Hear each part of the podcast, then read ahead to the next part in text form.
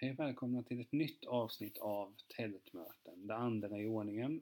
Och idag är Rickard Henriksson med i podden. Mycket kul samtal. Jag har följt Rickards karriär både på fotbollsplanen och i eten länge. Vi pratar bland annat om det. Vi pratar också om Håkan Mild. Vi pratar om Rickards karriär naturligtvis. Hur fotbollen kan ta steg framåt det nya gigget som kommer och Rickards medverkan i frågesporten Quizaleta. Jag hoppas att ni ska gilla detta avsnitt. Musiken står i vanlig ordning Antonell för. Klippare är jag, Niklas Tält och den här fina omslagsbilden har min gode vän Henrik Ström gjort. Det var all nödvändig information. Nu ska jag inte prata mer. Luta er tillbaka och lyssna på detta samtal. Stort tack!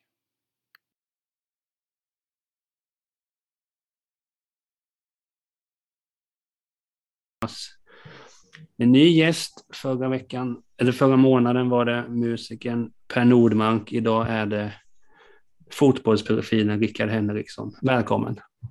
Tack så mycket! Hur, har det varit mycket poddar nu eller? Jag gjorde ju lite research, de flesta har jag ju hört. Ja, man har ju varit med i en och annan. Det är väl en härlig grej, även om det ibland kan kanske bli lite, om man tittar på fotbollssegmentet av podcast, att det kanske blir lite mycket att det blir samma människor överallt. Så tycker jag att det är en härlig grej med podcast-communityt som helhet, just att man, att man gästar olika poddar och att man är med och så vidare. Det känns som en väldigt, väldigt eh, inbjudande eh, sammanhang eh, på så sätt. Jag tycker det är kul att vara med i olika poddar. Därför blev jag glad när jag fick vara med här till exempel. Ja, det är jag väldigt tacksam för. Jag när jag satt och spånade så lite namn så tänkte jag, som sagt, det första avsnittet jag har släppt, då var det musikern Per Nordemark med och den kände jag så här, vi har snackat mycket i sociala medier, så den kändes relativt lätt att lösa. Så bara satt jag och tänkte, så satt jag och lyssnade på din podd och bara kom på att just det, jag minns när du var med i Kanal Plus, hette det ju då, hur mycket jag uppskattade det även som spelare och sen bara, ah, jag ger det ett försök och mejlar och det gick ju bra. Ja, bra att du hörde av dig. Så ska man, så ska man jobba oavsett nivå på podcast tycker jag. Att bara fråga.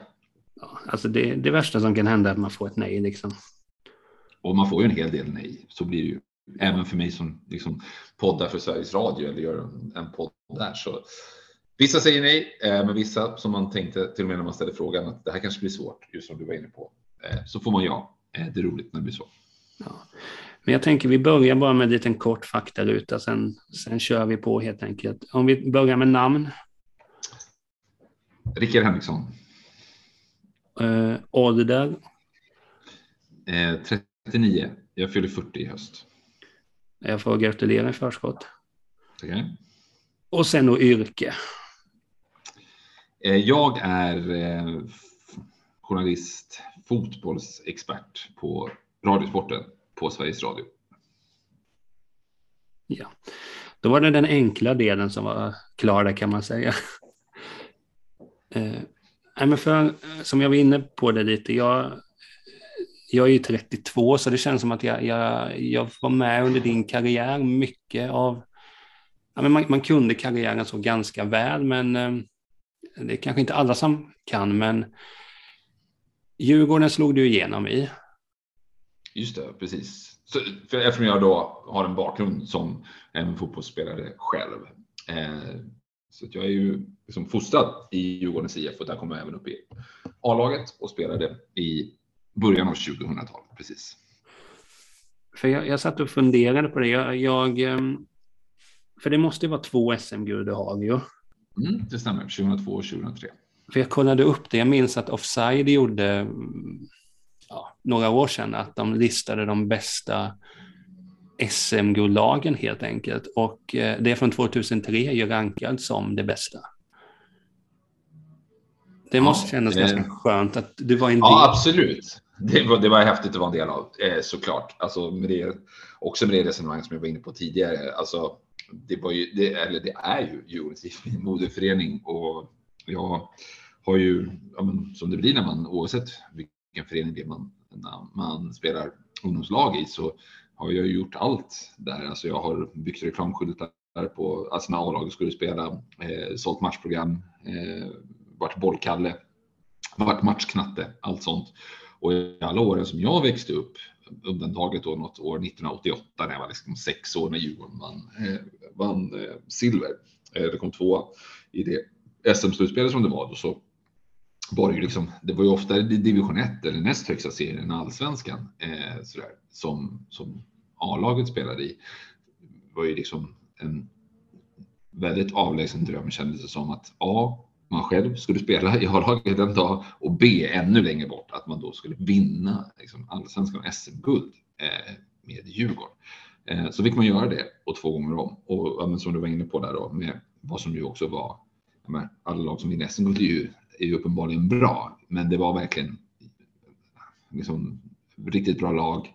Vi spelade bra fotboll eh, på så sätt. Så det är ju kul verkligen att fortfarande att fortfarande ha det. Men om man tar 2002 till exempel så vann vi faktiskt både kuppen och allsvenskan. Vi vann dubbeln, alltså det är den bästa säsong som Djurgården någonsin har gjort. Eh, så det är ju kul att på så sätt också att ha varit en del. Jag var ju långt ifrån den bästa spelaren eller stjärnliran i det laget, men det var kul ändå att ha varit en hyfsat bärande del i alla fall av det som är den klubbens bästa år, bästa säsong någonsin.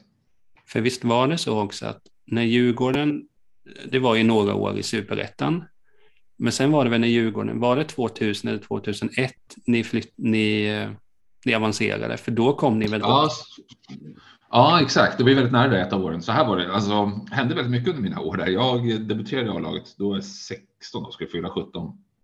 Eh, 1999 i Allsvenskan. Då åkte vi ur. Eh, eh och sen år 2000 så vann vi superettan. Det var första år, årgången av superettan. Man gjorde om seriesystemet.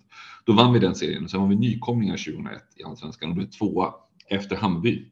Eh, och bara det var ju en stor grej och då vi var väldigt bra det året också, spelade väldigt bra fotboll och så. Eh, gjorde vi. Många tyckte ju liksom att vi var kanske det bästa laget. Vi kanske kände så lite själva också. Vi slog Hammarby ganska enkelt i båda matcherna vi mötte dem, men, men eh, men de lyckades vinna den där serien då och sen då efter det så vann vi två år i rad 2002 och 2003. Så att, ja, men, om man ska räkna in då superettan 2000 som vi också vann så var ju det fyra väldigt roliga säsonger på det sättet att, att verkligen vara topplag och det, det blir ju så med alltid när det är framgång är det ju härlig stämning kring ett lag och kring en klubb, men nu då ännu mer. Alltså lite som jag var inne på, det, att det varit ett 90-tal där Djurgården hade varit väldigt dåliga och, och väldigt mycket upp och ner, framförallt ner.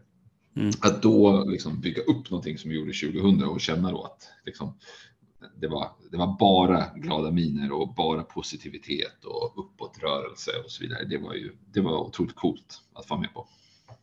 Ja, för jag minns det. Jag, jag är ju blåvit, så jag, men jag, jag minns att man följde ändå. Det var kul att kolla. Det, ska man, det känns väl sådär att säga, men det var ju kul att följa Djurgården. Mm. Det var ju också så här, för um, för tänkte jag var 10, ja men jag var 10-11 där. Och då var det också, alltså redan på den tiden var man ju så fotbollsnörd och det var ju inte som det är idag att man kan se alla matcher någonsin så. Nu kan man ju bara, det är bara välja vraka nu. På den tiden var det så här veckans match och det var ju bara den som sändes helt enkelt. Mm. Jag kommer ihåg att ja, när det var Blåvitt var man ju glad för den sakens skull, men jag minns att, det, att man pratade med kompisarna. Om du inte fick heja på Blåvitt, vilka skulle du heja på då? Men, ja, men Djurgården var ju kul, för då var det också, ni var ju tidiga med att spela 4-3-3 minns jag. Eh, och... Ja, exakt så. Och det var väldigt mycket nytt. Liksom, vi tränade på ett annat sätt. Tränade, det låter ju otroligt gammalt när man säger det nu, men det är också 20 år sedan. Eh, vi tränade väldigt annorlunda. Det var otroligt mycket fysträning på försäsongen. Det hade liksom inte laget gjort tidigare. Mm. Otroligt mycket styrketräning, vilket ansågs eller ansågs, det var ju då väldigt nytt liksom, på så sätt. Vi, var ju liksom, vi hade dels det att vi hade en fysik, vi var mycket, vi var mycket, mycket mer vältränade än alla andra lag, men, men också då också bra spelare. Men vi hade ju Kim Källström, Andreas Isaksson, Andreas Johansson, eh, Johan Elmander. De var ju på väg uppåt i sina karriärer och var unga. Så hade vi liksom några äldre, men framförallt Stefan Rehn som du då i så fall som Blåvitt supporter känner. Men kanske då lite för din tid. Han var ju en av 90-talets absolut bästa spelare i alla kategorier i Sverige och så nu då Ja. rundade han av sin karriär med oss i Djurgården och han var ju liksom han var ju helt otrolig fotbollsspelare på många sätt. Så vi hade liksom många bra pusselbitar för också för att spela väldigt attraktiv fotboll. Ja, gud ja. Alltså, det, och de namnen du nämnde, det, alltså alla vet ju Kim Källström och Elmander och sen men Andreas Johansson var ju i Premier League bland annat.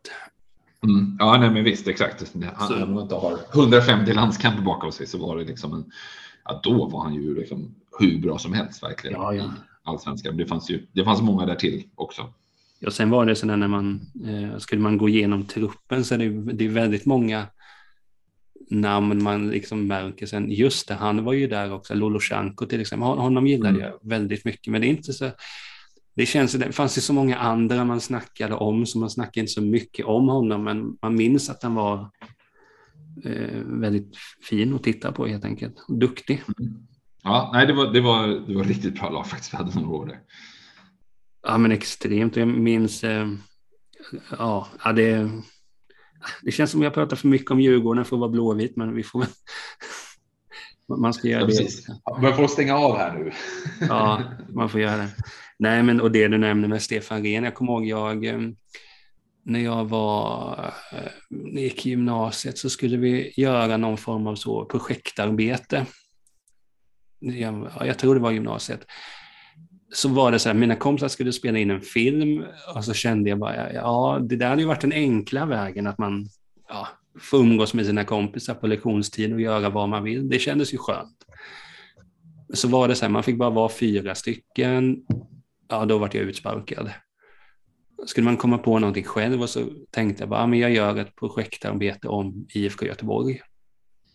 Och det gick de ju med på, så av, av anledningar så blev det så att jag tog kontakt med, med Glenn Hysén och så gjorde vi en intervju och sen var jag uppe på Kamratgården och då minns jag att jag träffade Stefan Rehn och det var ju bara så där att det var för stort för att komma in där liksom och man bara ser, där är Stefan Rehn, där är Jonas Rosenkoll, där är ju Pontus Wernbloom.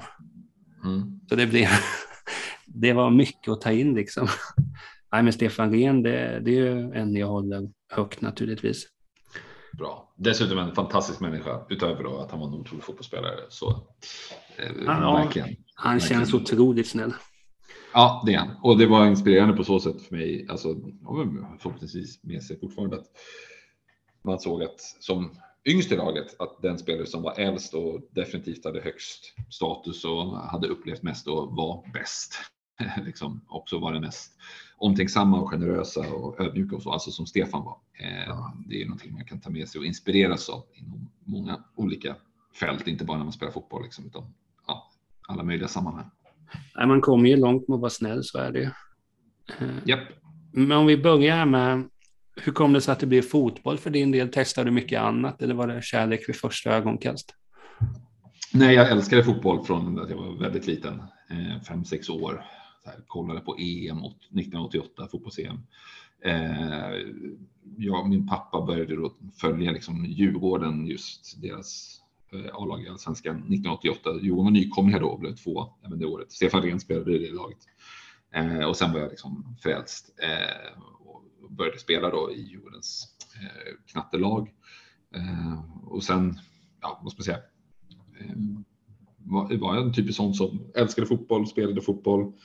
Eh, både liksom organiserat men på raster och sånt där. Och sen Mm. så om liksom, man tar det framåt sen så men jag var samtidigt alldeles för det här liksom att jag, det var också, jag låter så himla gammal när jag säger det, men jag är uppväxt i en annan tid. Det var liksom inte då liksom tidigt 90-tal som det är nu, att man kan tidigt liksom tänka sig att man stakar ut en väg. Liksom jag ska bli professionell fotbollsspelare, jag ska kunna leva på det här. Det liksom, fanns ju några få svenskar som var proffs utomlands så, utan kanske tänkte att kan man nå A-laget i allsvenskan så vore det häftigt. Men, och de var ju ens idoler så att säga, men det var ju folk som som jobbade som lärarvikarier eller rörmokare och sen så spelade de fotboll i allsvenskan så. så det var en, liksom, jag gick inte runt med några liksom, jättedrömmar om karriär på det viset. Och sen när man, när man var kanske 14 och så där så hade jag ändå en tanke att, eh, för jag hade märkt att, eller fått höra talas om att är man hyfsat bra på fotboll så, så eh, kan man sen antingen efter, efter gymnasiet eh, kanske söka scholarship, gå på college i USA någonting. jag var liksom inne på det. Men sen så började det rulla på där. Man kom i sig pojklandslag och juniorlandslag och sen så helt plötsligt så var man uppe i Djurgårdens A-lag som vi var inne på tidigare och då, ja, det, det gick väldigt snabbt. Det, går ju, liksom, det gör ju det ibland just när man är så här i tonåren och som kommer upp på det sättet att ja, ena året så är du liksom pojklagsspelare och sen så ett och ett halvt år senare så sitter du med ett A-lagskontrakt och dina kollegor liksom är ja, vuxna människor som du spelar fotboll med. Liksom. Så att det, gick väldigt, det gick väldigt kvickt för mig. Liksom. Så att jag hade aldrig, men jag hade verkligen inte, man märker ju det när man pratar med ungdomar idag, att de kan liksom vara 12 och har utstakat mer eller mindre självvalt. Det kanske är föräldrar eller agenter som gör det så här, exakt hur man ska göra och det är väldigt proffsigt allting. Så, så var det liksom inte för mig eller på min tid. Liksom. Nej, men, nej, men det märker man ju tidigt. Det var ju bara som, ja, du har ju spelat i BP och det var ju, det var ju bara för någon dag sedan Sportbladet la ut någonting att de hade, jag kommer inte ihåg om det var att de hade, ja men där som i BP, det är ju otroligt många talangfulla spelare där. Mm. Redan för, och där, vad jag har förstått det, jag, jag hänger inte med så mycket där, men att väldigt tidigt utkristalliseras vilka det är som är värda att satsa på. Det kan man ju ifrågasätta fram och tillbaka. Är det bra fördelar, nackdelar? Eh, men jag känner att det är jag, jag är fel person att fråga där. Man, någonstans tänker jag bara att i den där åldern känns det som att fotboll mest ska bara vara kul. Ja, nej, visst, vi hade kunnat sitta i två timmar och fram och tillbaka och hit och dit. Eh, ja. jag, jag, håller med dig. Grund, grundförutsättningen ska vara det. Sen är det en positiv sak att, alltså menar jag även för ungdomar i Sverige, att träningen bedrivs mycket bättre och, ja, och gud, ja. förutsättningar är helt annorlunda. Så att man vill inte heller bli en sån som bara, ah, det var bättre förr, det var bättre förr. Eh, men, men ja, som sagt, man kan sitta och prata väldigt länge om exempel hit och dit. Eh, men jag tror också, precis som du, att det viktigaste ska verkligen vara eh, liksom, att det är roligt. Det är nummer ett. Ja, men det, det är samtidigt, man känner sig ju eh, för jag bor, jag bor granne vid med en fotbollsplan, så man är ofta där och, och kikar, sitter på balkongen och kollar och sådär. Men man ser också då när man tänker själv när man spelar, sen man var 10-11, det var då det var som roligast. Om man bara minns hur våra träningar var. Okej, okay, vi hade koner och så, ja, det var liksom träningsredskapen man hade, mer eller mindre. Och så ser man hur det ser ut nu och bara, och tänk om tänk om vi också kunde träna skott på det där sättet. Mm. Tänk om... Nej, men visst. Det finns så himla mycket kring det och jag kan också tänka på liksom, om, som jag då, alltså, och det är inte alla som är det, men som när jag var 14-15 då, så här, det är väldigt mycket matcher, träningar, läger, man spelar i stadslag och, och pojklandslag och sånt, man är borta, det är svårt att få ihop skolan liksom. Och då var man själv liksom helt, om man inte valde att strunta i det, så var man ganska utelämnad själv. Till att bara försöka lösa det liksom. Och även gymnasiet sen när man kom upp i A-lag och sånt. Nu finns det ju mycket mer systematiskt liksom, hur man ska kunna klara av båda två, man får hjälp och stöd med det om man vill och liksom de här dedikerade gymnasierna liksom, då som har ett samarbete med klubbarna och sånt. Det där kan man ju kika lite avundsjukt på när man ser hur det är idag och jämför med hur det var för en själv. Liksom. Ja, jo. Ja, men sen, sen känner jag för min del så tänker jag, jag tror eh, alltså hur mycket det, jag hade, man hade kanske blivit division 3-spelare som bäst om man hade fått all möjlig hjälp. Jag, jag, jag, jag är bättre fotbollstittare än fotbollsspelare. Det viktigaste som sagt är nog att man tänker tillbaka tror jag oavsett vilken nivå man nådde till. Liksom, att man tänker tillbaka till liksom, positiva minnen och att det var, ja, men som vi var inne på tidigare, att det var roligt liksom, att man minns ja, roliga matcher eller sammanhang och kompisar ja. som har träffats. Och det brukar jag faktiskt säga till folk som frågar också. Och det menar jag, du kan göra skillnad just när du spelar i Allsvenskan eller Premier League eller vad det kan vara, så tror jag att det som ger mest faktiskt skön, eller skön känsla är ju som du kan tänka tillbaka till det med glädje. Ja, ja det är ju det, är det som är det viktiga. Mm. Men om man tänker på din, din karriär där, hur, om vi tänker, du, du har ju spelat med väldigt många fina namn. Eh, de som du nämnde där, Kim Källström, Stefan Rehn och det, skulle du hålla de som är de bästa du har spelat med? Eller? Ja, det får man väl göra. Alltså, så här, alltså, det, blir ju, det blir ju så, har du spelat i samma klubblag som en spelare och, och gjort det länge så har du ju liksom sett så himla mycket av ja. den. Eh, så att säga. Det blir ju inte samma sak som att möta någon en gång eller ja, om man som jag har spelat i ja, men hela vägen upp till u landslag så har man ju både mött och spelat med spelare så här, ja, någon match. Eh, liksom. eh, så det är väl klart att sådana sticker ut. Sen spelade du även sen då senare i min karriär i BP och det är klart att jag menar, Albin Ekdal, Kristoffer Nordfeldt, de var ju inte, alltså då var de ju 17, 18, 19 år, så det var ju inte så att de var liksom, de fullfjädrade proffsen nu. Men det var ju också sådana spelare som man liksom såg direkt. Alltså det var ju en träning med Kristoffer Nordfeldt så såg man att okej, okay, det här är ju faktiskt en snubbe som påminner om Andreas Isaksson, det vill säga att ja, men du vet, man såg aldrig personen göra misstag, göra helt otroliga räddningar, alltså allt sånt där. Ja. Liksom. Albin Ekdal, ja, hans spelförståelse som vem som helst som tittar på landslaget idag ser ju det. Och den, det var samma sak där. Det var ju liksom 30 minuter in i första träningen när han var 17 så såg man att det fanns där. Sen var han ju inte en Serie A eller landslagsspelare då. Eh, liksom. Men det är ju sådana som man också kan placera in där till, i de här liksom, kategorin. Otroligt bra spelare som man har spelat med. Men det, det som jag tänker med, med Kristoffer Nordfeldt, det, det, spontant känns det bara som att han har ett enormt psyke också. Alltså det måste man ju ha som spelare på den nivån, men någonting säger mig bara att man, ja, jag vet inte, det är kanske bara en fördom, men att han skulle ha fruktansvärt bra psyke.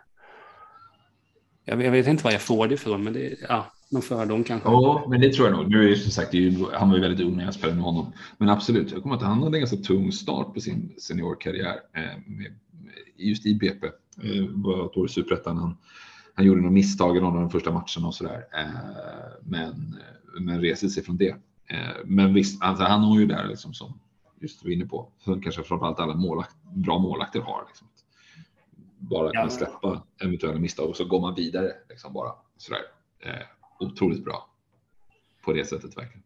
Men om man tänker sig, för det här är ju spelare vi nämner nu, som, eller som du nämner, som det har blivit bra spelare av, så att säga. Är det några du kommer på som du har tänkt sig att, alltså inte dåliga spelare, inte det, men alltså att, att du hade förvänt du hade trott att det skulle gå bättre sen, ja, det kanske är känsligt att säga så om andra spelare, men för några mm, nej, men jag, förstår, jag förstår vad du menar. Alltså en sån spelare som man kan känna att då har väl han visserligen varit så här, han har ju liksom varit i spanska ligan, även om han kanske inte spelat så mycket, han varit i Bundesliga och sånt. Men jag spelade ett år i Danmark, i AGF Århus, och då var jag lagkamrat med Tobias Gran. Eh, och det var alltså, det var en av de alltså, bästa spelarna som jag någonsin spelat med. Otroligt bra på allt. Ah. Eh, och liksom också, här, han har ju inte spelat så mycket i Sverige. Ja, han har ju varit i Malmö och, och Mjällby och så, men det var liksom, då hade han liksom inte stämpel av att han skulle vara någon slags här diva eller lyxlirare och sånt. Alltså, han kämpade hur hårt som helst, alltså verkligen lagspelare på det sättet. Sen var han väldigt, hade mycket åsikter och sådär, men det var alltid ur perspektivet att han ville att laget skulle bli bättre och vinna och sådär. Eh, men det var verkligen en sån spelare som han också var helt otroligt bra. Eh, och med, han hade en bra karriär på det viset, han har ingenting att skämmas för, men, men där fanns en potential. Oh, ja men ska jag sitta här och säga, jag kanske inte heller uppfunnit potential helt och hållet. Det är inte alla spelare som gör det, men där fanns det liksom. Mm, om du med han hade kunnat spela 45 landskamper för Sverige. Så bra var han.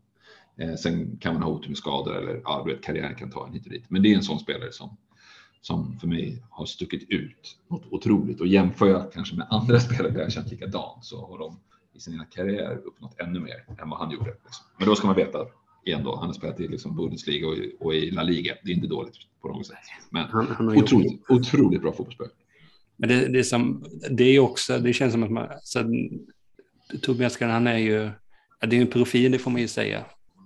Älskar honom så otroligt. Det var också en sån här spel, det var, det var kul att se, men sen är det att han, jag kommer ihåg någon gång när han spelade i Malmö, han fick väl spela ganska mycket kant där har jag för mig. Mm, mm, exakt. Och han sa i någon och ville spela centralt, ja precis. Ja, han hade sagt i någon intervju, finns det jättelänge sedan, att, att det är Tom Prahls fel att hans karriär inte har gått bra. Alltså, det är kul sagt på något sätt. Ja, ja det, kanske, det kanske finns som sanning i det. Jag. Ja, nej, men alltså. Helt gudomlig fotbollsspelare. Ja, ja, det är fantastiskt. Jag minns när han, var, när han kom tillbaka till Mjällby att det var nej, men det, jag uppskattar honom extremt mycket. Mm. Men sen är det också det kul när jag lyssnade på, jag kommer inte ihåg vilken podd jag lyssnade på, men ditt första mål i Djurgården, det är ganska speciellt. Eh, tanke på tid och datum och sådär. Ja, minst sagt. Min första allsvenska mål i, i Djurgården. Ja. Eh, jag hade gjort mål i Superettan och så tidigare. Men, men visst, ett datum som många minns i alla fall. Eh, kanske av andra anledningar då, eftersom det var den 11 september 2001 som jag då gjorde mål eh, i toppmatchen det var, bortamatch mot Malmö FF. För det är också det, för då när jag lyssnar på det, det känns som att det, så många delar av mitt liv kan man liksom koppla till din karriär ibland känns det som. Men för jag kommer ihåg den matchen också, då, det var ju på den tiden eh, man kunde gå på fritidsgård, det var ju skithäftigt. Mm. Om man hade nått den åldern, nu, nu får, det vara med de här stora äh, vuxna, så, fast de var ju bara 13-14 typ. Och som sagt, på den tiden fanns det bara veckans match, Och så minns att den här skulle spelas. Och jag hade som avtal så med, med mamma och pappa att eh, har man gjort läxorna och allting så kan du kolla. Jag visste jag hade gjort allting, gå hem och kände bara att det här kommer bli en bra match. Mm. Kommer jag in jättepeppad och mamma säger att äh, jag, måste, jag måste kolla nyheterna. Man blir skit arg där och då. Men du, du lovade, jag har ju till och med gjort läxorna och allting sådär.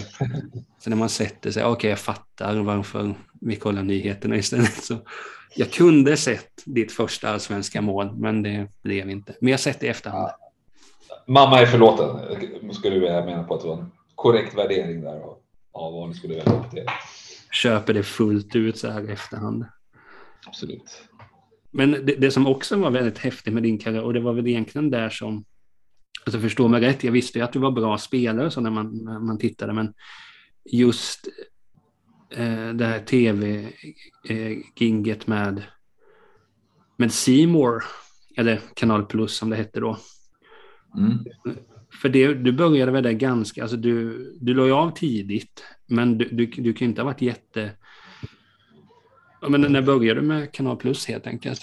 Eh, ja, men om man ska ta det i korrekt ordning så var det faktiskt Radiosporten som jag började med. Alltså, okay. Eh, ska fatta mig otroligt kort här, hör jag säga, så att det inte blir långrandigt. Men eh, jag hade faktiskt redan under tiden i Djurgården så hade jag praktiserat på Sveriges Radio.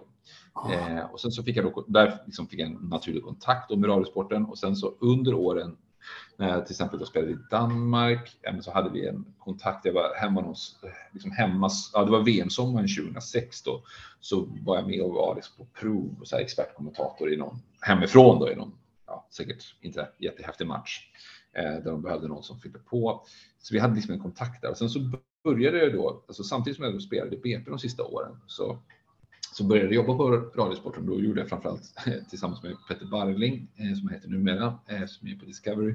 Vi två gjorde då, och det här började vi med alltså 2008, så vi var otroligt tidigt på det. Då började vi då med en podcast eh, som var inför EM 2008 och det här var ju alltså på tiden innan det fanns smartphones. så då var det liksom så här podd, du får ladda ner till datorn och lyssna på där eller så får du då dra över det till din poddspelare. Så här. Inte alls den här lättheten som finns idag.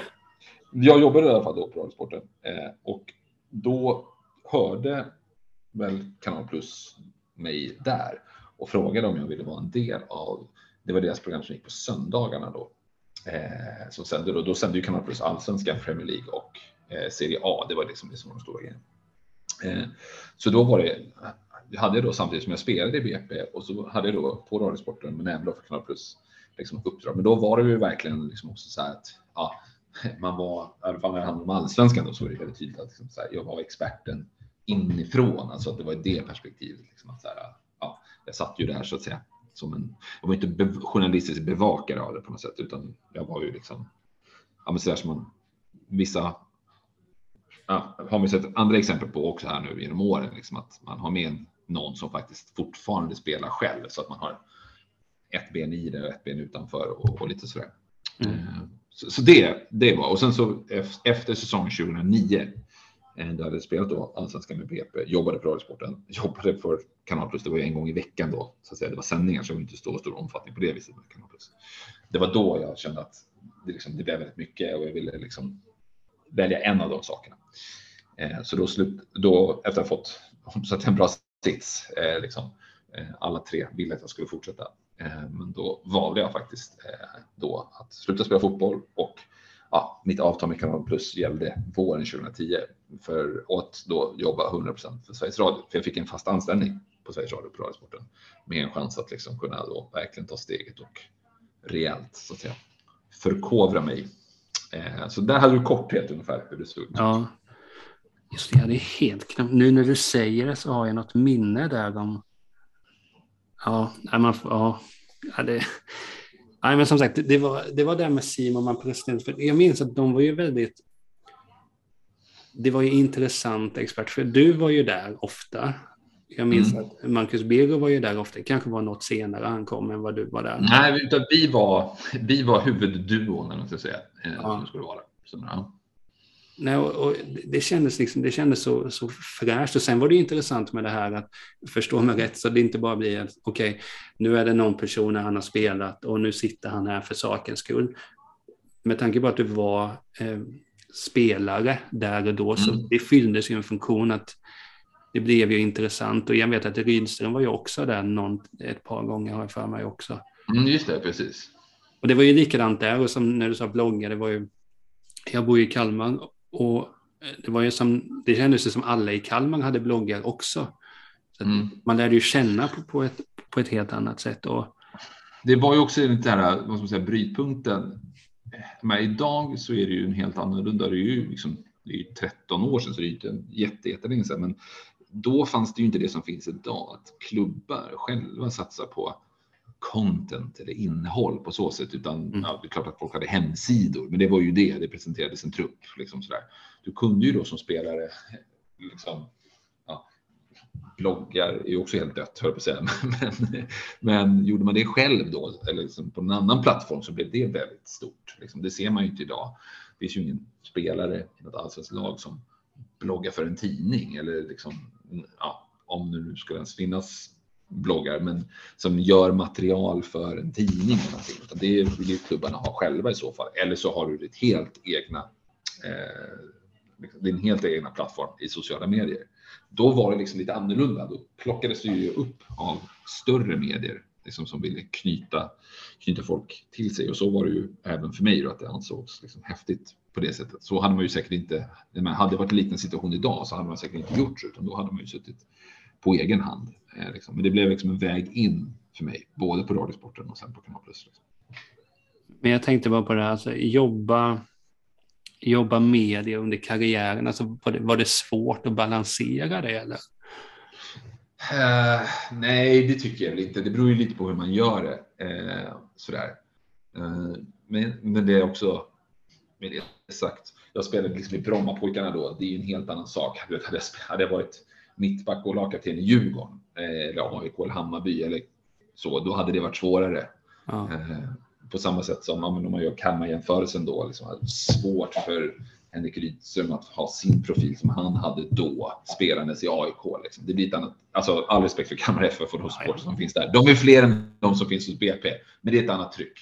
Eh, och förlorar du en match så är det svårt att sitta, alltså även om du själv kan vara lagd så, att sitta två dagar efter i en tv-studio och liksom, ja, vara lite skämtsam och rolig. Liksom, utan, ja, det blir ett helt annat tryck. Eh, ja. Så det var ju det också, att det funkade bra på det sättet och ingen, ingen hatar Brommapojkarna heller. Så att, liksom, ja, sitter deras mittback där och pratar om allsvenskan så dessutom de, vilket jag tror att ändå hade, klarade av lite distans till det så liksom är det ingen som tycker att han sitter där och talar i egen sak eller ska höja upp sin klubb eller sånt. Men kommer du från AIK så finns det också de som stänger av för att ja, jag vill inte lyssna på vad en aktiv gnagarjävel säger. Liksom. Så på så vis är lite tacksam. Jag äh, var lite tacksam. Det var ju så att BP själva när vi var uppe var så att säga de som kom lite från sidan och kunde liksom, ja, som jag då gjorde, liksom, se på det här nästan ur ett fågelperspektiv. Liksom. Alexander. Jo, men sen, för, för jag, det bara slår mig nu när du, för Sebastian Larsson sitter ju ibland i Viaplay-studion där. Just det. Det, det märks väldigt tydligt, alltså, jag ska inte säga att jag är bättre än någon annan, jag är ju likadan själv, det känns ju sådär, men, ja, men han är AIK, vill jag... Det tog ju år innan jag började uppskatta Bojan liksom. Mm. Ja, men det, alltså, så här, det är det härliga med fotbollen också. Ja. Det ska vara känslor och så att säga antipati. Alltså det får inte gå över såklart i liksom, ge sig uttryck på, på dumma sätt. Men, men liksom, herregud, menar, det, det är ju en del av det är ju en del av fotbollen såklart. Och sen ska ju sägas att menar, du kan ju också komma in som Sebastian Larsson. För han är Sebastian Larsson. Allting han har gjort, allting han har upplevt, sett och kan.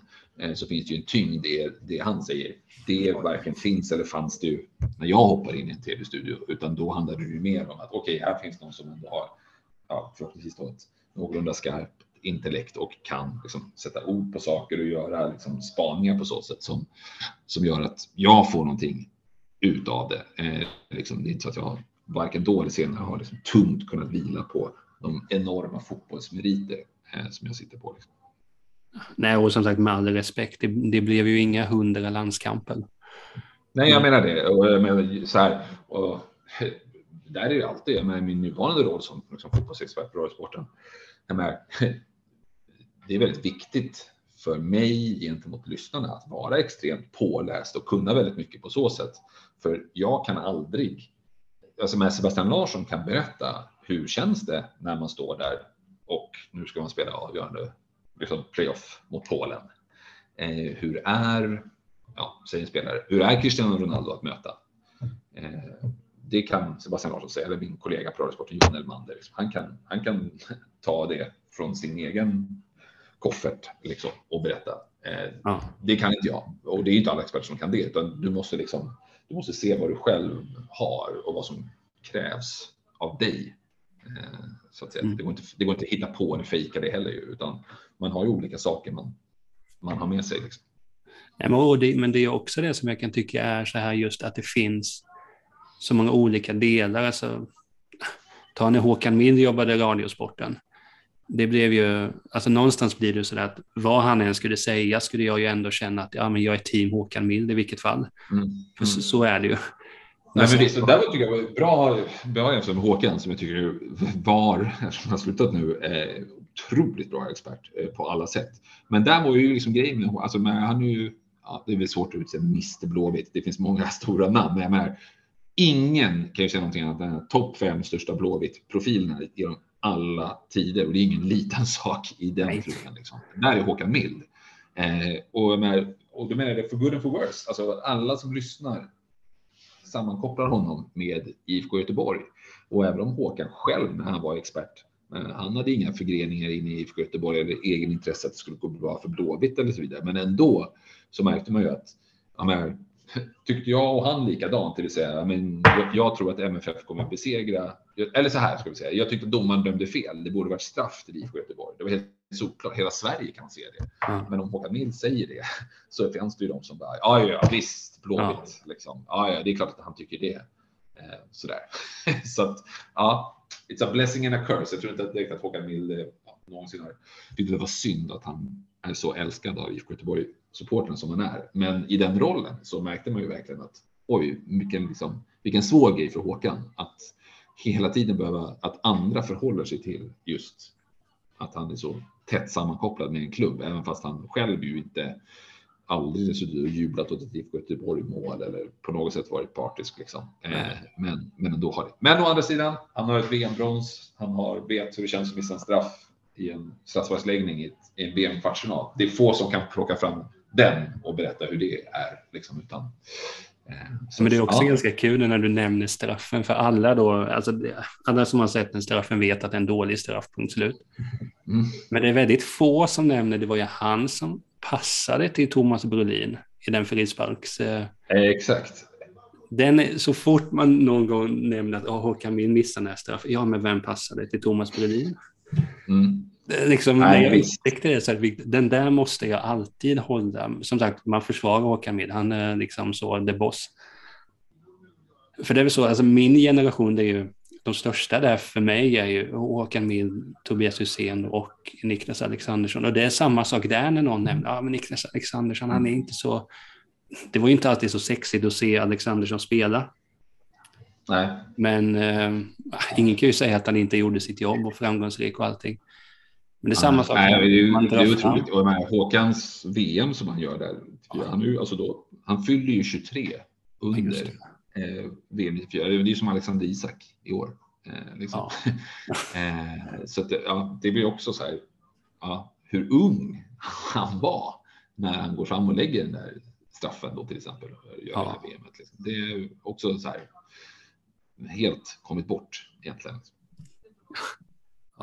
Ja, vi, vi ska vi inte fastna allt för mycket vid Håkan Mild, men det, det, jag får bjuda in honom istället. Ja, gör det. Då blir det bra snack. Det hade ju varit, hade jag löst det så hade, då hade det varit läge att lägga ner podden. Jag, jag har nått vad jag vill nu, det, det räcker. Ja, bra, jag har ju uppmanat dig att, att, verkligen försöka, så det får bli, det får bli min passning här vidare. Att, eh, att i alla fall ställa frågan till Håkan, det måste du göra. Ja, det, ja, det måstes. Eh, men jo, eh, vi, vi lämnar Håkan här nu. Jag kanske kommer tillbaka, det vet man aldrig. Men eh, det som också jag minns när jag då tänkte tillbaka på min karriär, det var ju också när incidenten, eller incident, det låter som att det är något allvarligt som har hänt. Men när BP mötte Djurgården derby och du gav en matchanalys där i paus. Mm. Det som jag bara tänker på att det kanske säger mer om mig själv att eh, jag hade inte klarat det av den anledningen att det går liksom inte att hålla två bollar i luften. Sen menar jag inte att du sprang runt och tänkte på det när man spelar, men det måste vara en jäkla svår grej. Och, eller hur, hur löste man det helt enkelt? Nej, alltså egentligen inte. Alltså om man nu ska ta ner det egentligen så så här. Jag menar, även idag eh, så är det ju ibland att spelare intervjuas i paus Alltså att de får ett headset på sig. Eh, ja. Sådär, att det inte står en reporter med en mick. Eh, liksom. Och det är klart att du får en fråga. Eh, det var väl ungefär, om jag minns rätt, det som jag fick här också. Och då ska man ju veta då, då hade jag jobbat ett och ett halvt år på Sporten på Kanal Plus. Eh, alltså för mig var inte det en skillnad, för det var ju det som var upplägget då, att jag skulle liksom få ett headset typ ja. ute på planen eh, eller på väg in i omklädningsrummet och så skulle jag själv eh, istället för att fråga ja, vad säger du om första halvlek då? Eh, bla, bla, bla så skulle jag själv istället bara liksom ta den och in i kameran säga. Eh, och det kan ju säga, alltså för mig var inte det någonting man var nervös över eller funderade på eller någonting, utan det var ju liksom när de kom där. Ja, just det, vi skulle göra det här. Ja. Så och sen så hade, sa jag ju samma sak som jag hade sagt just om någon hade kommit dit och frågat. Ja. Eh, så. Eh, sen Sen blev ju det en sån här snackis. Var det, var det dumt att göra det? Ja, men precis. Jag tror att just med den ingång som du hade här, eh, liksom, kan man fokusera då på matchen och sånt. Det var ju inga problem alls. Eh, så sen, sen får man ju vara så här ödmjuk och tänka att okej, okay, uppfattade folk det så, så var det kanske inte så lyckat eller bra i så fall. Men, men att det skulle ha varit någonting som distraherade mig, det utan att låta kaxig kan jag ju säga. Att, att prata 30 sekunder in eller 45 sekunder in i en kamera är ingenting som. Du har gjort svårare saker. Definitivt. Nej, men, för, för, men det kanske också är en, för nu när du säger det och liksom förklarar så är det bara, ja, okej, det borde jag ju förstått. Typ så. Nej, men, men sen, jag tror också att det var mycket, det, det måste ju ha varit den där, för jag menar idag, det, det var ju ingen som gjorde någon grej av att eh, Hossa Majers blev intervjuad efter Blåvitt 2-0 mot Häcken. Det, var ju, det, det sker ju. Så, så är det. det alltså, så här, att folk blir intervjuade hade ju skett där innan också. Det var inte, men det, det var ju det här speciella. Det var ju greppet som Kanal Plus ville testa. Det var just att så här, okej, okay, jag var en del av Kanal Plus, så att säga. Men okej, okay, vi gör det så att Rickard får verkligen ta mikrofonen själv och prata in i kameran. Eh, liksom. ja. Så att, alltså herregud, är, det får man ju förstå om det fanns någon som tyckte att äh, det här var inte så passande. Det ska också sägas att vi förlorade den här matchen, eh, vilket ju var. Jag kommer att jag hade tänkt innan att eh, så här, och det kanske verkar superkaxigt om vi vinner och så vet gör man så här och då verkar man oödmjuk. Så jag hade nästan tänkt innan så här, det kanske kan bli jobbigt om vi vinner den här matchen. Jag hade nog inte tänkt så mycket på att okej, okay, förlorar vi den, ja, men då, jag menar, hade vi vunnit den med 3-0, då hade ju nog inte folk då hade det kanske inte funnits någon som hade en liksom, synpunkt på det. Nu kanske det blev lite att så här, okej, okay, eh, det var inte så att jag var den som bidrog till att vi förlorade matchen så, eller att jag tabbade mig eller gjorde, gjorde bort mig, men att det ändå fanns ett så här, okej, okay, vad fanns fokus här? Hade det inte varit bättre att ha det på att vinna matchen istället? Eh, och så här, det får man ju förstå att det kan upplevas så. Alltså, det var inte så att det blåste om det här. Det fanns någon, någon eller några stycken som tyckte att det var liksom, ja, kanske att ta den här närheten lite för långt. Men det får man ju liksom. Det får man acceptera och eh, förstå att det fanns de, de som kände så. Men det fanns liksom ingen inom klubben eller mina lagkamrater som tyckte de visste ju alla om det på förhand såklart också. Så, här, så det var inga problem. Jag tänkte också lite på det där att då när vi har kommit fram till den fasen, mer eller mindre om man snabbspolar dit, att när du slutade. Jag vet inte hur du är, men många gånger sedan när man själv spelar, jag, jag slutade spela när jag var kanske 14, 15. Av så anledning, det var att min, min, pappa gick bort där omkring och då var det liksom inte kul, men jag testade, men det, nej, det funkade liksom inte. Det var ju av de anledningarna det hade varit annorlunda om man hade slutat för man var skadad eller någonting. Men kan du ibland, man pratar ju ofta så om att man, man saknar, eh, när man har många eh, gamla spelare, ja, men man saknar gemenskapen i, i omklädningsrummet. Men sen är det ju mycket det här man inte tänker på att man ska inte sticka under stol att liksom fotbollskulturen eller så här, men i gruppkulturen är ju speciell. Är det något som har, har liksom din bild förändrats av det? Eller har, man, har du märkt sig i efterhand att ja, det kanske var speciellt, det kanske inte var så korrekt och schysst alla gånger och, och sådana saker. Kan, eller är det bara med positivt du ser det sådär att ja, men det var skönt, liksom. skönt snack, eller vad man ska säga. Jag förstår precis hur du menar. Eh, men jag skulle vilja säga så här, jag hade tur ändå in, i min karriär att jag spelade i lag och, och då i sammanhang där det absolut, där det inte var en, alltså man du kan ju dra den här extrema ex, hur långt som helst. Ja. Men där det inte var liksom grabbig, hö hö, trycka ner, sexistisk, homofobisk eh, stämning. Eh, på det viset, vilket är väldigt skönt eh, att man så att säga slapp det. Jag tror att definitivt när man var äldre sen att man ju själv mycket kan sätta en prägel. Det är som på vilken arbetsplats som helst. Ja, ja, ja. Eh, liksom att det präglas av vilka som är där. Eh, så däremot så, så kan jag ju, alltså min erfarenhet är väldigt mycket att om man ska jämföra sig med man är liksom en annan del av ett liksom annat arbetsliv, att fotbollsvärlden är, den är speciell på så sätt att eh, och så var det, eller så här, det var ännu mer så när jag spelade. Jag liksom märker ju en skillnad som finns idag. Att det var, det var, att det kan vara svårt framförallt för unga spelare eh, gentemot tränare och annat. Och, och då menar jag inte att det ska vara att ja, får man inte spela i tränaren en idiot. Eh, men att det är liksom, definitivt ett exempel på där eh, liksom, vissa tränare har haft som del av sitt ledarskap nästan att trycka ner spelare, eh, kanske framförallt unga spelare. Mm. Eh, ja, liksom så. Och där kan jag ju känna att jag kan ångra i efterhand att man, och definitivt när jag var äldre själv, att så här, kunna stått upp mer för dem på så sätt. Ja. Eh, eller om, liksom, man pratar mycket idag om så här, psykisk ohälsa bland spelare och sånt. Att, jag, men, jag kan definitivt liksom, jag kommer inte namnge dem, men liksom se tidigare lagkamrater, alltså det vill säga arbetskollegor eller mm. ja, kompisar som uppenbarligen mådde dåligt. Liksom.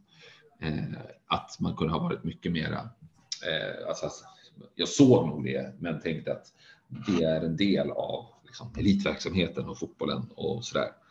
Eh, att man kunde ha varit mycket mera liksom, frågat dem på riktigt, hur är det? Och så. Sen är det klart att man liksom har hört, framförallt när man var yngre, liksom hört kommentarer och annat, apropå det vi pratade om, alltså så här sexistisk, homofobisk liksom, mm. kontext, eh, som jag, ja, men skulle ske idag i arbetslivet så skulle jag ju liksom stämma av det direkt. Eh, givetvis, liksom, eller ja, ska säga, ta konflikt den direkt om någon uttryckte sig på det sättet.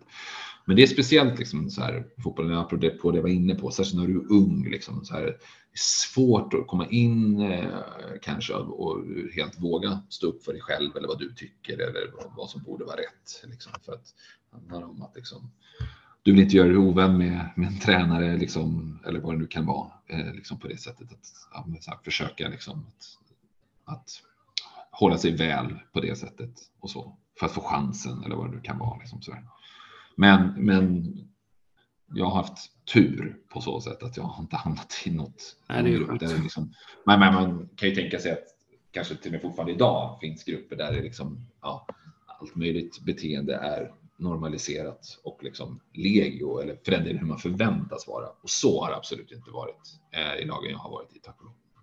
Ja, men det, det är också för, för jag tänker ofta på det. För jag tänkte bara när jag, när jag lyssnade på, på, på din podd Matchen där. Och så minns jag när jag lyssnade på Magdalena Erikssons avsnitt där. Och så bara går jag in sen och googlar, för jag, jag hade inte helt koll på hennes karriär, liksom, var hon spelade inom Chelsea och sådär. Mm. Men det första som dyker upp är ju vem hon är tillsammans med. Mm. Mer än mer. Och det är också så här att, ja, kul för dem. Eh, det är kul att folk är kära liksom. Men just också att det blev en sån grej och man vet ju hur det var. Det var något eh, mästerskap med, med damerna när Ja, det var ju visserligen så, det var ju ingen eh, credit, men att det var någon som hade gjort en, eh, en analys. De här är de snyggaste, läs sexigaste um, spelarna i EM. Håll utkik mm. på dem. Och det är det man tänker, man hade ju man hade ju inte gjort det samma sätt med herrarna och sen då vi tycker att Cristiano ser bättre ut än um, ja, kommer jag inte på någon portugis för den sakens skull, men du förstår vad jag menar. Mm, mm. Och, och, det är likadant, man tänker bara så att, att det har inte kommit ut någon, någon uh, öppet homosexuell fotbollsspelare. Alltså det, det är ju inte att det inte finns, utan jag tror nog snarare det är så att det, ja, det är inte läge helt enkelt. Nu låter det som att jag är så nonchalerande, det, det gör man inte, men just att tyvärr tror inte jag det hade varit så bra om liksom spelaren uh, Sten Stensson hade sagt i någon intervju med sig i Aftonbladet att eh, ja, men jag är homosexuell. Nej. Nej, det där blir svårt, det blir svårt att spekulera i. Eh, men så här, jag, jag, men däremot så, min erfarenhet är igen, jag, jag slutade spela fotboll för 13 år sedan. Eh, ja. Och det, det, är liksom bakåt i tiden. Men med min erfarenhet är det snarare så att när folk säger att det inte kommit ut någon, någon liksom, fotbollsspelare eh, på elitnivå i Sverige eh, som homosexuell. Så jag menar, jag är snarare så att det förvånar mig absolut inte att, att det inte har, alltså, det är klart att det säkert har funnits, men jag tror att de är få i så fall eh, som är på, även på högsta nivå. Därför att mm. Alltså, jag pratade om att jag nog har varit förskonad från det sammanhanget. Alltså trots att jag kände så, eh, så menar jag alltså att behöva från så pass ung ålder som det ändå av mig av mig upplevde att, att vara liksom homosexuell då, ett stigma eh, verkligen. Där liksom skällsord går ut på att man är homosexuell. Men skulle jag vara 11 år, alltså ta mig till mitt pojklag när jag var 11 år mm. och eh, liksom känna själv, ja, men, vad ska man säga, det kan ju allt från könsidentitet till ja, men, homo eller bisexuell eller vad, vad det nu kan vara. Ja. Men jag har inte känt mig hemma där. Inte för att någon personligen mot mig så att säga skulle kanske vilja någonting illa. Eh, men bara just sammanhanget och ja, men, hur, hur det outtalat sågs på sådant. Och jag, menar, jag har haft fotbollsledare under min tid som har sagt att fy fan vad äckligt med bögar. Liksom. Eh, inte riktat till någon, men bara så. Men det är klart, hade, jag, men, så här, jag tyckte att det var jobbigt och tog illa vid mig. Jag både hade och har många eh, vänner eh, som är, liksom, tillhör hbtq-communityt. Och jag tyckte att det var jobbigt. Jag tyckte det var jobbigt, jag menar, apropå det var inne tidigare, att jag inte liksom ens gentemot den, de personerna, den personen stod upp för dem. Alltså det var inte någon av dem som hörde det, men du förstår vad jag menar. Mm. Eh, så att herregud, alltså ja, jag är snarare så, när folk upp där, att här, det finns säkert lika många på här sidan, men men de vågar inte berätta om det. Så tror jag absolut inte, eller min erfarenhet är nog absolut inte så, utan det, de har försvunnit längs vägen eller för den delen inte sökt sig dit. Alltså många av mina vänner just som är eh, liksom homosexuella eller bisexuella, alltså manliga, för dem har hela uppväxten och livet gått ut på att man avskyr fotboll för man har en säkert inte helt osann bild av liksom hur jargongen är eller hur det skulle ses på en där. Liksom så. så att, eh, jag förstår precis vad du menar och det är givetvis så att det har funnits manliga homosexuella elitspelare i Sverige, såklart. Men, eh, men eh, jag menar på att de är ändå få för att de har försvunnit längs vägen om de ens har sett fotbollen som en arena där de vill eller vågar verka och jag mm. kan absolut med mina erfarenheter absolut inte hålla det mot dem att de har känt en aversion mot det. Om förstår mig. Nej, nej, det går ju inte att, det går inte att, det, det går inte att kritisera dem där, utan ja, jag, jag, jag köper men det. Den är intressant, men tanke, tanken som du säger, den är, eftersom är, den är ju liksom komplex. För det är klart om en person skulle vara öppen på det sättet Magdalena Eriksson är så skulle det ändå man behöva, eller och såklart väldigt många fler, bara det svenska damlandslaget, eh, så skulle det ändå behöva vara någonting som folk för första gången tyvärr då fick förhålla sig till. Eh, jag tror att det skulle vara väldigt mycket stöttning för att så ser det ju ut, tack och lov, idag i samhället. Men det är klart att Ja, men det är också den frågan, liksom så här, Magdalena Eriksson och Pernilla Harder till exempel, de är ju väldigt, och det där är ju ens egen fria val, de är ju väldigt, det pratar vi om i det här podcastavsnittet också, som vi pratar om mm. just här, de vill manifestera, eh, de vill hjälpa, för menar, vi sitter här i Sverige och säger, ja men det finns en stor acceptans idag för homosexualitet, så ser det inte ut eh, i alla delar av världen. Eh, så den här bilden som finns på Magda och Pernilla, den har betytt väldigt mycket för, kanske framförallt då, liksom, ja, men unga, eller jag vet inte unga, men, men liksom lesbiska eh, runt om i världen. Liksom, tänk att de kan leva ut på det sättet. Ja, jag menar, och det... Och, och det stöd man kan få. Så att jag menar, man ska inte liksom, man, man, ska inte, det är lätt att man blir det är lätt att man blir lite, kanske lite blind i den svenska diskursen som att ja, ja, ja, liksom, skulle herrlandslaget komma till en gay så ja, ja, det händer väl ingenting för oss så. Men så, liksom, för många gör det nog det. Nej, men jag menar så det, det blir ju så dubbelt så att alltså, jag köper ju och det var ju som Magdalena sa också när man har hört intervjuer med andra att Alltså det är bara att gå till sig själv. För min del, liksom, så, jaha, det var en bild, kul att de är kära, man går vidare. Men det är som du säger, är man i den, man, man, liksom, man har träffat den här partnern eh, och det här blir som förebild, och det, det är otroligt bra. Det, det är som sagt, det blir så dubbelt. Å ena sidan, det ska inte behövas, men å andra sidan, det behövs. Nej. Å andra sidan så kan man ju känna, alltså det kan man ju göra som heterosexuell eller vad som helst, att man kanske inte har någon lust att så att säga berätta om sitt privatliv eh, på det sättet heller. Liksom. Så det är ju ens egen fria vilja. Ja. Eh, såklart. Så det kanske den, den som kan också kännas jobbigt visst att man då skulle tvingas eh, att bli någon slags koryfé för någonting samtidigt som man själv kanske bara känner att man vill hålla det för sig själv oavsett om det var en man eller kvinna som man var kär i. När du ändå nämnde, när vi ändå nämnde Magdalena, vi kom in på podden Matchen. Det måste jag ju säga först att eh, man ska vara ärlig, jag upptäckte den sent. Men... Ja, det, eh, är ingenting du behöver erkänna. Vilken kärlek det är, för det är just det jag... Alltså hur... Ja, vi kan ta ett avsnitt där vi bara pratar om den här podden, för det, det är... Eh, är den har förgyllt timmar, men hur kom idén till detta? För det, det är ju, alltså, förstå mig rätt, det är en ganska, alltså, inom citattecken, enkel idé. Någon pratar om en match och så här, men det enkla är också det svåra. Ja, precis. Alla de bästa idéerna tycker jag vad gäller om vi ska ge sig in på poddar och podcaster så är det definitivt de som är enkla. Alltså, om man ska ta det ur det perspektivet, en av storheterna med matchen är att man kan på en, max två meningar förklara precis vad den går ut på eh, och göra den begriplig. Den är väldigt lätt att hisspitcha. Eh, och alltså, hur det gick till, så här. Jag och några till fick i uppdrag från Sveriges Radio att eh, skapa en fotbollspodd och att liksom positionera Radiosporten och Sveriges Radio på allvar på, vi var inne på tidigare här, då, stora floran av fotbollspodcast som verkligen finns ju i Sverige. Mm. Eh, och då liksom var det sagt av oss i den här arbetsgruppen från början att liksom vi definierade olika saker som vi ville att den skulle vara då, att den skulle, liksom, direkt skulle liksom definiera den och den, en av de sakerna skulle vara då att, men vad kan vi, eller om vi tittar på vad kan vi konkurrera med? Ska vi vara tre eller två snubbar som sitter i ett rum och pratar om vad som händer, liksom ha takes och spaningar på vad som har hänt den senaste tiden i fotbollsvärlden? Nej, det finns redan. Eh, definitivt överetablerat.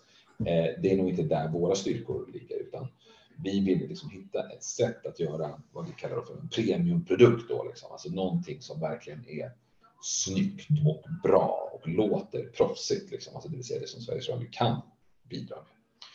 Eh, och så liksom började vi kika på, okej, okay, vi vill göra någonting, definitivt göra någonting som är evergreens, alltså någonting som, ja men om man som du upptäcker det sent så kan man, eh, eller de som lyssnar på det här som inte har tagit om matchen tidigare, de kan gå tillbaka och lyssna på avsnitt 1 som kom februari 2021. Det är inga problem, utan de ska liksom vara tidlösa på det sättet. Eh, liksom hur P3 Dokumentärer är eller, eller P3 ID är på så mm. sätt. Eh, och sen, ja men typ så. Eh, det, var det, det var det som var liksom det första som vi la. Okej, okay, och vad kan vi då hitta på? Eh, det fanns idéer, det fanns lite olika idéer faktiskt på olika format vi skulle göra. Eh, men det är klart att Eh, ja, det, det, var liksom där det började. Sen var det faktiskt undertecknad som kom på idén som jag just då hisspitchade för de andra. Att, eh, det roliga var faktiskt att jag redan då, eh, och det här är väl då, pratar vi liksom sommar, sensommaren 2020, redan då eh, så hade det faktiskt arbetsnamnet Matchen. och då var, sa vi från början så här, ja, vi får jobba på namnet, det, kan, det blir säkert någonting annat sen, men vi kallar det Matchen tills vidare. Eh, men det, har, det hängde kvar, eh, ändå ganska lätt, så här, liksom, ligger bra i munnen på så sätt. Eh, så då kom jag på idén som skulle vara då att eh, liksom, vi vill inte göra. Vi vill inte göra att det bara ska vara en dokumentär. Eh, vi ville inte göra med det som Erik gör, Niva eh, med sitt med, med When We Were Kings, liksom att det är en berättare som berättar om någonting liksom som den vet mycket om, utan vi ville jättegärna då, eller kom jag på idén att kan vi få på något sätt liksom att det blir en huvudperson som berättar sina minnen, eh, det vill säga det som man inte kan läsa i historieböcker eller liksom mm. på så sätt läsa sig till, utan bara den här personen eh, kan ge egentligen. Eh, och så, så då kläckte jag en idé att, och det hade vi pratat om lite tidigare också, att här, vi har ju själva tillgång, alltså Sveriges Radio, Radiosport, tillgång till väldigt mycket häftigt ljud. Eh, alltså referat, ljud och sånt. Och det här hade ju varit då efter en vår av eh, liksom coronapandemi eh, där idrott stängde ner och många liksom, eh, sport, sportmediebolag körde ju då liksom på, eh, liksom på nostalgispåret. Liksom, så här. SVT körde liksom VM-matchen 94 i sin helhet sådär. Eh, och vi, men då funderade jag liksom att så här, nostalgi på så sätt blir dels inte så himla kul för den som inte var med. Liksom, och ändå nog ganska få som är intresserade av att bara liksom bara pum, här får man bara nostalgin, utan det sätts inte i något perspektiv på det sättet. Så, här. Eh, så då ville vi åt ett liksom, sätt att använda oss av referatljud, men inte bara här. Nu kan ni lyssna på hela matchen mellan eh, Sverige och Västtyskland 1974. Liksom, det blir inte så kul. Eh, men om du kan blanda det här och få till ett historieberättande och sen så då det som vi hoppas att vi faktiskt har uppnått, liksom det här med att du behöver, du, du ska få ut, för det var liksom viktigt för oss från början, att här, få huvudpersonerna att vara med, eh, att man får deras liksom, grejer, att du ska ha en liksom, behållning av en match som du faktiskt inte känner till någonting av. Du kanske till och med inte ens vet hur den slutar. Eh, men definitivt har du inga minnen av det. kan ha spelats innan du föddes så får du en behållning av det. Men det ska också vara en behållning just om du faktiskt känner till den här matchen eller du minns det med att du var på den eller minns ganska mycket från den. Men du får då från huvudpersonen liksom nuggets som vi pratar om hela tiden, liksom att när vi gör programmet alltså. Eh, att vi behöver nuggets liksom. Vi behöver, aha, då berättade hon det här. Jag hade ingen aning om kring den här matchen. Eller att, aha, hände det i omklädningsrummet efteråt? Eller jaså, kände den här personen eller sa den det, det till den här personen eller kände den så här? Och du, just det här med nugget-tänket, att vi försöker, försöker i varje avsnitt få de här sakerna att nästa gång någon eh, pratar om den här matchen eller du hör någon säga någonting om den här personen så ja, vet du vad, jag hörde, liksom, det behöver inte vara att du kan komma ihåg det, men vet du vad, jag har fått höra från den här matchen att eh, det här hände, eller Brolin 94, men vet du vad, vet du vad jag hörde i matchen? Han berättade om att han eh, hade en jättehög telefonräkning på hotellrummet. De trodde först att han hade suttit och eh, ringt till Heta linjen och snusknummer. Men det visade sig att det var trav. Alltså så här, du vet att man får de här små sakerna liksom, eh, här och där i det här berättandet. Typ så. Eh, där föddes idén och sen så då liksom, började vi jobba med den här idén och som alla bra grejer eh, liksom, så ska man inte ta det bara idéstadiet och så bara nu kör vi, utan vi gjorde tre tre och en halv pilotavsnitt eh, liksom med eh, spelare eh, som var otroligt generösa och eh, liksom ville vara med. Eh, och bara, liksom, då visste vi inte ens att det skulle bli ett program så att säga, utan vi ville att det skulle vara bra innan vi körde igång.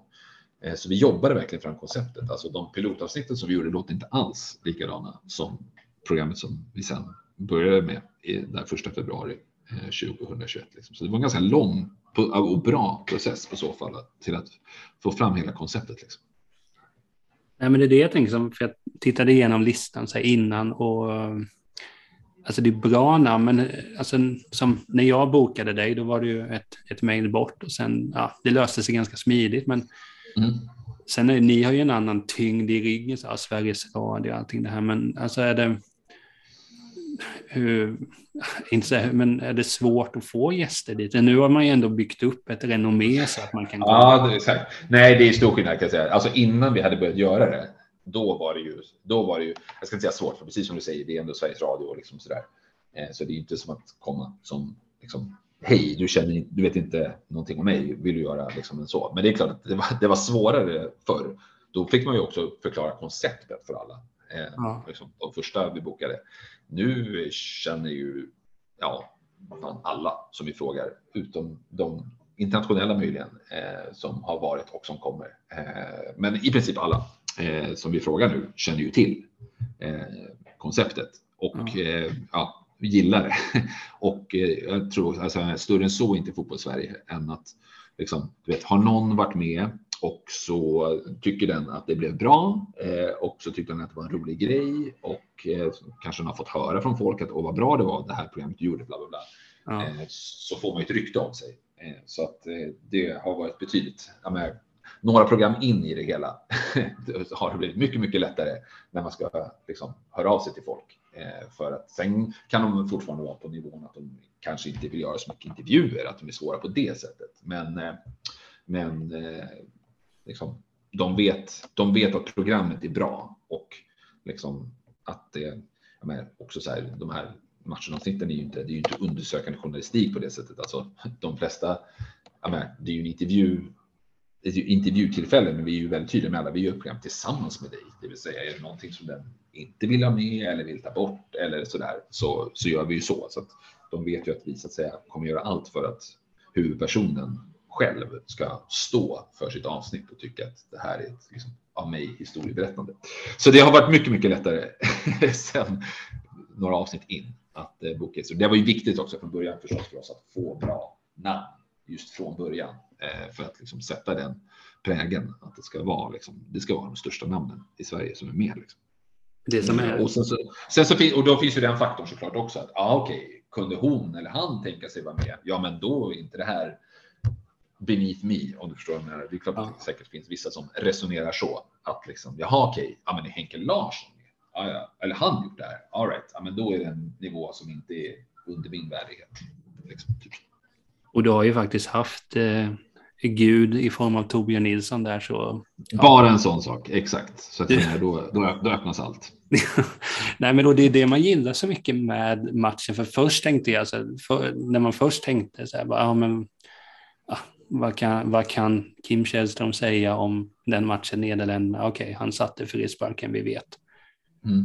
Men sen bara så att det som bara gjorde, alltså det, de här matchklippen när ni klipper in det och sen det här segmentet, vad ska man säga, nyhetssegmentet eh, som man berättade om den dagen. Mm. Och...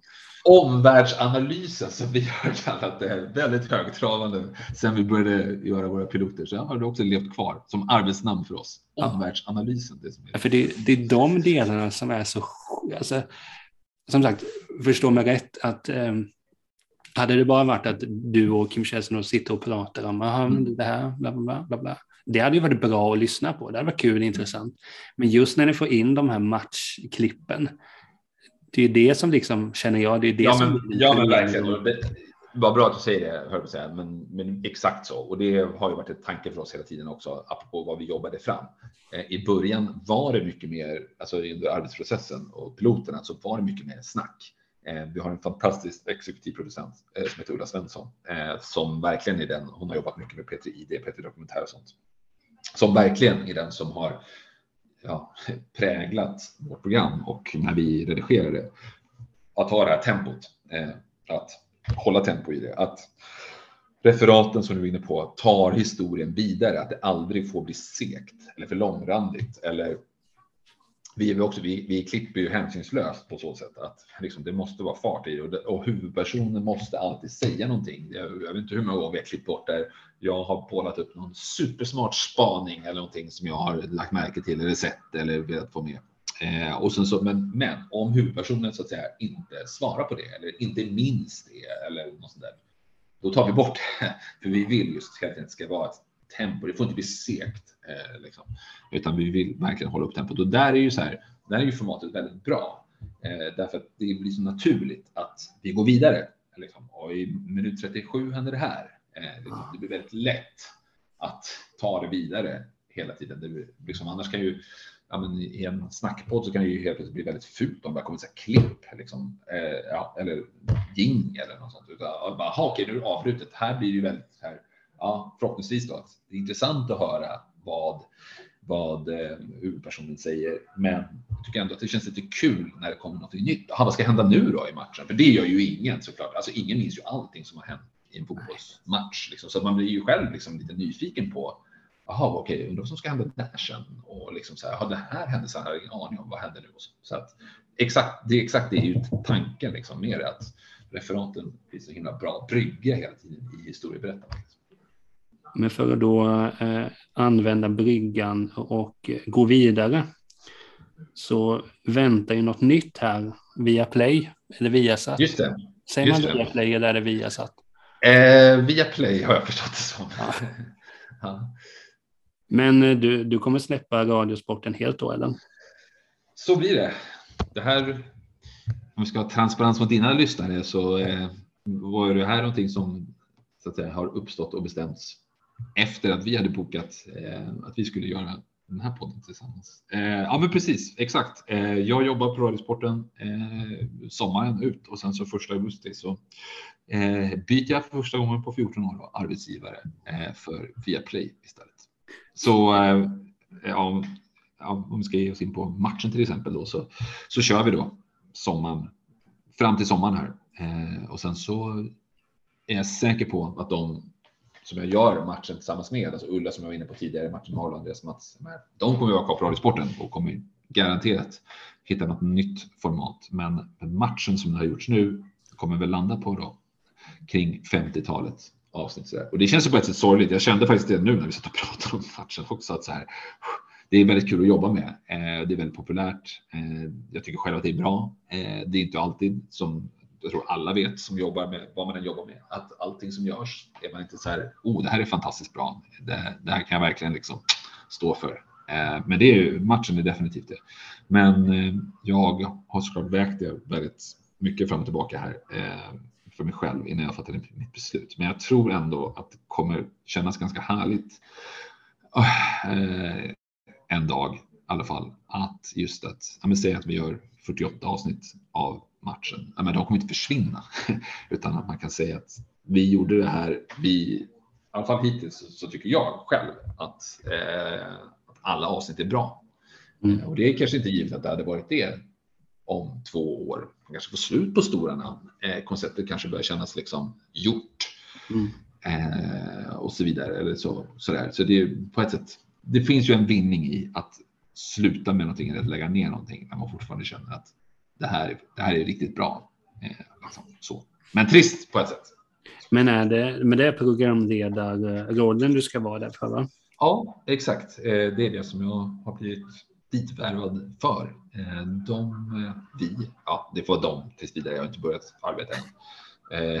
Vill åt det just att, att med min bakgrund, liksom erfarenhet av att vara programledare, men också just erfarenheten av fotboll, alltså spelat själv, varit expert själv Eh, Eh, att det ska kunna eh, förhoppningsvis ytterligare då eh, lyfta både, alltså lyfta sändningarna, eh, lyfta de experter som de väldigt bra och många experter som finns där idag, alltså fotbollsbevakningen som helhet. Eh, liksom. Så hoppas jag kunna liksom, bidra på ett bra sätt till det. Det ska bli otroligt kul att följa dig. Jag är ju känt lite sådär med, med eh, Premier League, där är ju Arsenal mitt gäng, så de här senaste mm. veckorna har inte varit kul överhuvudtaget. eh, tre raka torsk som var ett ganska dåligt motstånd också. Ja, men det, jag får ja, det någon annan gång. Nej, men där kände jag liksom, dels var ju lite så här att jag vet att jag nämnde för dig i mejlet att ah, men jag, det ska inte vara några klick, bla bla bla, du vet, så det låter högtalare. Men sen när det här kom, bara, men, jag kan ju inte låta bli och prata om det. Ja, men du vet, så, men, så där kände jag lite, okej, okay, det här måste vi prata om. Men framförallt ska det bli väldigt kul att följa dig på, på Viaplay nu då. Mm. Ja, men det, blir, det, blir, det blir en spännande utmaning. Eh, liksom radiosporten så är ju det, om än på annat sätt, för det är en annan produkt och definitivt annan målgrupp och så. Men eh, liksom, det står ändå för kvalitet eh, liksom, det, på, på alla sätt. Och det, ska bli, det ska bli en rolig och spännande jobbutmaning på så sätt. Och eh, även om jag kommer sakna radiosporten otroligt mycket så känns det också, ja men det känns som en riktigt spännande chans eh, som jag har fått här. Eh, dels personligt då att liksom få utveckla sig själv inom en liten annan, eh, liksom, litet annat fält än vad jag varit på tidigare, men också då just bli del av ett riktigt vasst team eh, som är där. Men sen vet jag ju att eh, du ska ju också vara med i Quizaleta. Är det offentligt eller hur, hur känner du till detta? Jag såg det på deras YouTube-stream. Okej, okay, då är det definitivt inte en hemlighet. Jag visste inte att det var. Jag visste inte att de var representerade. Det var därför jag blev lite osäker här på. Eh, ja, absolut. Nej, men för det var också så för just frågesporter. Det, det, ja, men så här, på spåret sitter man ju alltid bänkad. Sen bara när Quizaleta kom. För många gånger är det så här på spåret när man åker till typ ja, men håller man sig i Sverige så brukar jag kunna ta relativt många poäng och så här, större mm. städerna. Men sen nu när det dök upp en fotbollsfrågesport, man kan sitta i soffan och vara lite skön sådär. Mm. Det där kunde inte Rickard Henriksson, men jag vet Exakt. Det att det var Roger Ljung som nickade in mot Kamerun där. Mm. Ja, men då kommer jag ihåg när de, när de, för jag följde dem på Twitter, bara, okay, nu, eh, nu ska vi annonsera vilka som ska vara med. Och då, man sätter sig här, kopplar upp det på dator, frukost, allting och sen minns jag bara när de, ditt namn nämndes, okej, okay, då har vi en fråga till podden igen. Bra ja. Minns du några andra lag? Jag vet inte så mycket mer om detta.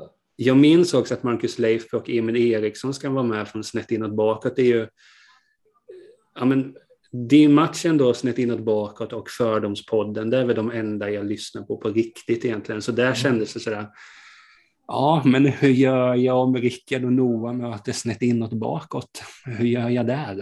Ja, jag fattar. Ja. Nej, men det var många. Ja, men det var mycket roliga namn. Men sen, men när, vet du när, man ska, när det börjar sända sig så där, det kanske inte har kommit? fram till. Jag, jag tänkte att du skulle, du är mer välinformerad än jag här, så jag tänkte att du kanske hade den. Ja, jag har bara sett gruppen. Nej då, jag, jag, jag maj har jag hört, men jag har inte fått något. Jag har inte fått något mer datum, alltså att det ska spelas in i maj i alla fall. Det, jag kan tänka mig att, och jag bidrar till det. Jag kan tänka mig att det är ett himla pussel eh, för dem att sätta ihop det här. Alltså folk som jobbar och är iväg och ja, du vet, ska göra sändningar och matcher hit och dit det kan inte vara det lättaste att få ihop det när alla kan. Så att säga. Men jag för mig det var 15 lag. Jag tror de snackade om att 15 lag, fem grupper. Jag tror det var. Ah, okay. Så det var ju, alltså, jag är inte avundsjuk på att lägga det pusslet. Nej, nej, nej, det verkar riktigt, eh, det verkar riktigt tufft. Men ja, vad spännande. Jag, jag ska forska vidare. Jag, får, jag, jag måste kolla på detta Eurotalk Weekend känner jag och forska fram vad, vad, jag ska vara med på egentligen. Ja, exakt. Ja, men jag, ja, ja, men där minns jag bara så att det var så många namn. Alltså, så, du och Noah skulle vara med och sen snett inåt och så var det något mer gäng. Jag bara kände att okej, okay, det där är mitt gäng. Ja, men bra. Jag ska snacka med Noah. Vi får se till att vara charmiga också i rutan. Det är väl kanske framförallt det som också gör att. Ja, men spontant känner jag ju bara så där att ja, visst, nu är du med i podden och jag, jag för din karriär mycket, men Ja, men, ja, men ni känns ju som det, eh, vad ska man säga, inget illa mot Leif och Emil Eriksson. Ni känns som det sympatiska laget och snett inåt känns mer som mitt typ av gäng, så nostalgiskt. Och, och hela... Ja, visst, exakt. Kan de någonting efter 1997? Men eh, ja, det blir spännande. Ja, men det, det, det, är det som är så, för jag jobbar som lärare och många av, av ens kollegor är lite yngre, födda typ 97. Satt vi och snackade någon gång bara så om program som gick när man var barn. Och man bara kommer fram till, nej just det, det här gick inte, du känner inte till rederiet, nej just det. Jag vet. Jag vet inte om du har barn själv, men, men vänta bara. Vänta bara tills det där kommer. Tar upp. Ja, och, eller, eller för den delen, man, alltså, det dyker upp kollegor nu på Radiosporten också som ja, nu vet jag inte exakt vad jag ska dra för med någonting som man tänker att det där var ju förrgår som de aldrig hört talas om. Ja, liksom. ja men typ Rederiet. Ja, kanske, ja, men, men det var inte det, men liknande. Så att, visst. Men sen är det kul när man, när man jobbar som lärare, de jag har nu är tio år där, så var det någon elev som frågade mig, bara, men hur, hur länge har du hejat på Arsenal och IFK Göteborg? Började räkna sen, okej, okay, det här var tio år innan du föddes. Ja, det, jag vet. Det, ja, men jag är, bara, jag är inte 32 än, men snart. ja, nej, som sagt, jag sa ju det, 40 här i höst. Så att, eh... Ja, nej, men, äh, men det här var det är riktigt kul att du ville vara med. Det var jätteroligt. Kul att snacka. Jag hoppas inte jag har babblat sönder skallen på dig eller lyssnarna bara. Det var Nej, det, det, jag har mer varit orolig bara för är det, man, man blir så här, okay, är det här bra frågor? Kan man, om han svarar, då kanske du svarar ungefär det här, då kan man gå in på liksom. Så det, ja, men jag tycker det var, var väldigt, eh, väldigt kul. Men sen blir det, det blir lite enklare när man har, alltså förstår man rätt, ändå har koll på, alltså har ganska bra koll på det då. Det gör att jag behöver inte skriva upp 50 frågor utan det räcker stödord. Så är det ju. Så är det ju. Men det var sjukt kul. Men... Kunskap är improvisationens moder. Ja, nej, men det var stört kul det här och eh, jag kommer fortsätta lyssna matchen då, de här kvarvarande och sen eh, för kolla på dig på helgerna så att säga. Det lät ju kanske lite dumt, men ja, du förstår. Ja, det är, det är det som är tanken, absolut. Så det får du definitivt säga. Nej, det ska bli jävligt kul och stort tack för att du var med och jag hoppas att vi eh, ses och hörs framöver. Och Absolut. att på matchen, eh, du kanske också skulle bjuda in Håkan Mild? Ja, eh, vi, du vet, vi får absolut inte avslöja någonting om vilka som är på gång. Det förstår man ju. Men, men så här, Håkan är på nivån att han skulle platsa i matchen, definitivt. Ja, ja Håkan. Vi får se vad, han, vad han först är med, om det är tältmötet eller matchen. Men eh, nej, som sagt, ett jättetack och du får lycka till med allt du tar dig för så hoppas vi på seger i Quisaleta. Mm, håll tummarna för det. Det måste du definitivt göra. Det kommer jag göra. Så um, vi hörs av. Du får ha det jättefint och tack alla ni som har lyssnat.